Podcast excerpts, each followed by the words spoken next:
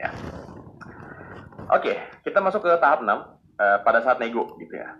Nah, ini ini penting bahwa kita pada saat mungkin cari kerja atau bahkan mungkin ya bisa bilang interview gitu ya. Kita akan ditanya, berapa sih gaji yang kamu inginkan gitu ya sama employer atau perusahaan. Ya, kita pasti dalam mindset pengen dong namanya pindah kerja atau misalnya kita lagi cari kerja mendapatkan sesuai dengan keinginan kita. Ah, sorry, uh, kebutuhan lah bukan keinginan karena itu beda ya gitu. Nah, tipsnya kata ketika nanti teman-teman uh, nego gaji gitu ya dengan perusahaan atau mungkin employer, hati-hati ya. Carefully consider an offer ya. Jangan sampai uh, cuma ngelihat gaji tingginya doang, tapi kira-kira ada nggak hal-hal lain yang mungkin teman-teman perlu perhatikan? Kayak misalnya jam kerja, kayak misalnya benefit-benefit lain gitu. Itu juga harus teman-teman lihat gitu. Terus juga ini ya, tanyain kalau misalnya offernya kayak gimana sih? Nah, jangan pada saat teman-teman nerima offering salary karena saking senangnya gitu dapat offering akhirnya teman-teman gak nanya gitu pak ini nanti uh, gaji saya dapat apa aja untuk benefit? Gitu ya bla bla bla segala macam gitu. Itu juga harus perhatikan teman-teman.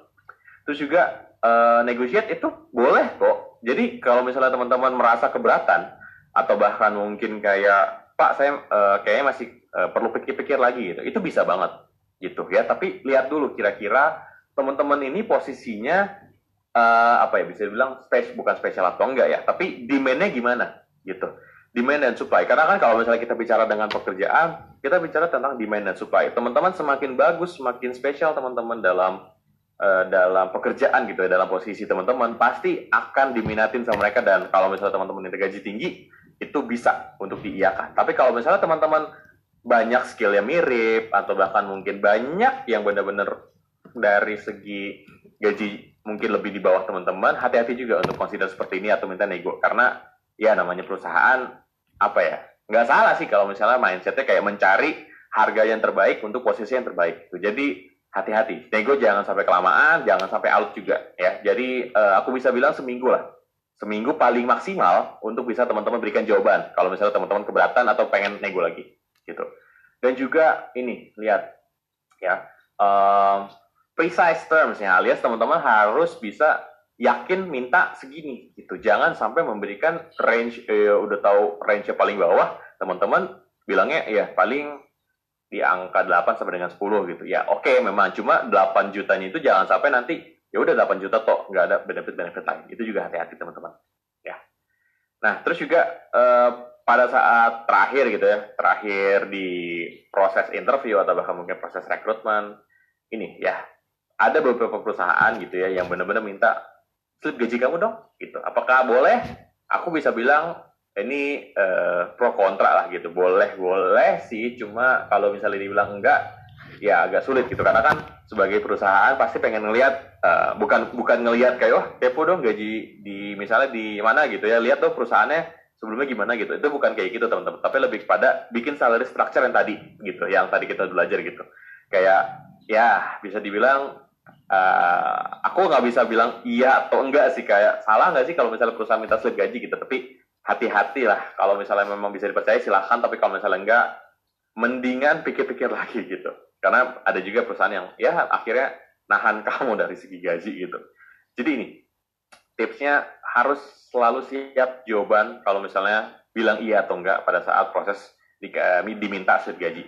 Terus juga riset lagi kira-kira um, pada saat diminta nego gaji, eh, sorry, diminta slip gaji, uh, rata-rata di perusahaan mereka tuh average-nya berapa ya gitu. Jadi kayak kamu bisa menentukan reasonable base kamu alias berapa yang pengen kamu inginkan.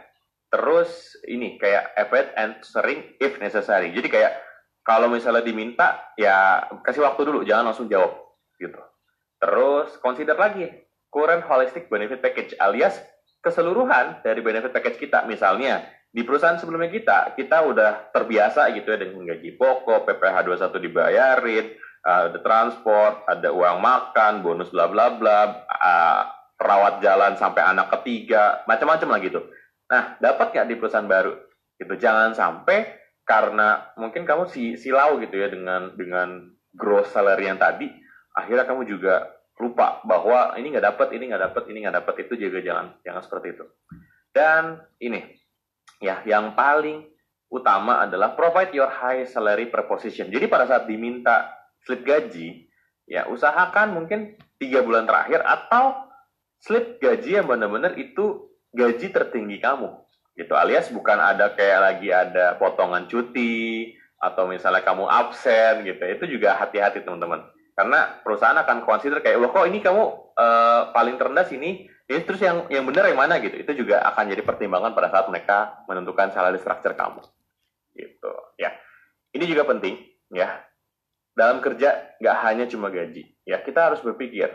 Nggak cuma salary package tapi ini adalah value yang kita akan bawa ke hidup kita gitu. Karena kan 8 jam yang kita habiskan untuk kerja jadi jangan sampai kita nggak happy dengan kerjaan kita. Selalu mulai dari tengah alias kenapa kita pengen pekerjaan ini? Kenapa kita pengen kerja di posisi ini? Kenapa kita pengen bekerja untuk ini gitu? Jangan sampai pada saat kita udah di tengah-tengah gitu ya baru nanya aduh saya ngapainnya di sini? gitu. Nah, itu jangan kayak gitu. Selalu mulai dari why baru how dan what. Bukan what how dan why. Itu sering kebalik gitu. Orang-orang pasti nanya kayak oh saya lulus kerja apa ya? Terus gimana cara atau gimana ngelamar ke sana? Terus baru di tengah-tengah atau di akhir aduh kenapa ya saya ngerjain ini gitu? Itu jangan sampai seperti itu. Baiknya mulai dulu dari why. Kenapa ya saya pengen kerja di sini? Gimana caranya saya masuk ke sana? Dan apa yang akan saya kerjakan? Jadi mindsetnya harus seperti itu teman-teman. Maka dari itu teman-teman akan menemukan ikigai ya alias kamu tahu yang kamu suka kamu tahu kamu bisa dibayar dari hal itu kamu tahu posisi ini akan membutuhkan kamu dan kamu tahu kamu bisa ngerjain itu. Ya, nggak nggak nggak gampang memang menggunakan fase ini. Cuma minimal ya dengan kamu start with your why, kamu akan tahu ya start starting point kamu akan beda dengan orang-orang lain karena kamu akan tahu, oh, oke okay, saya suka ini, saya bisa dibayar dengan ini, maka dari itu oke, okay, ya udah kerjain aja. So itu sih namanya proses dalam itu. Oke, okay, thank you so much. Mungkin buat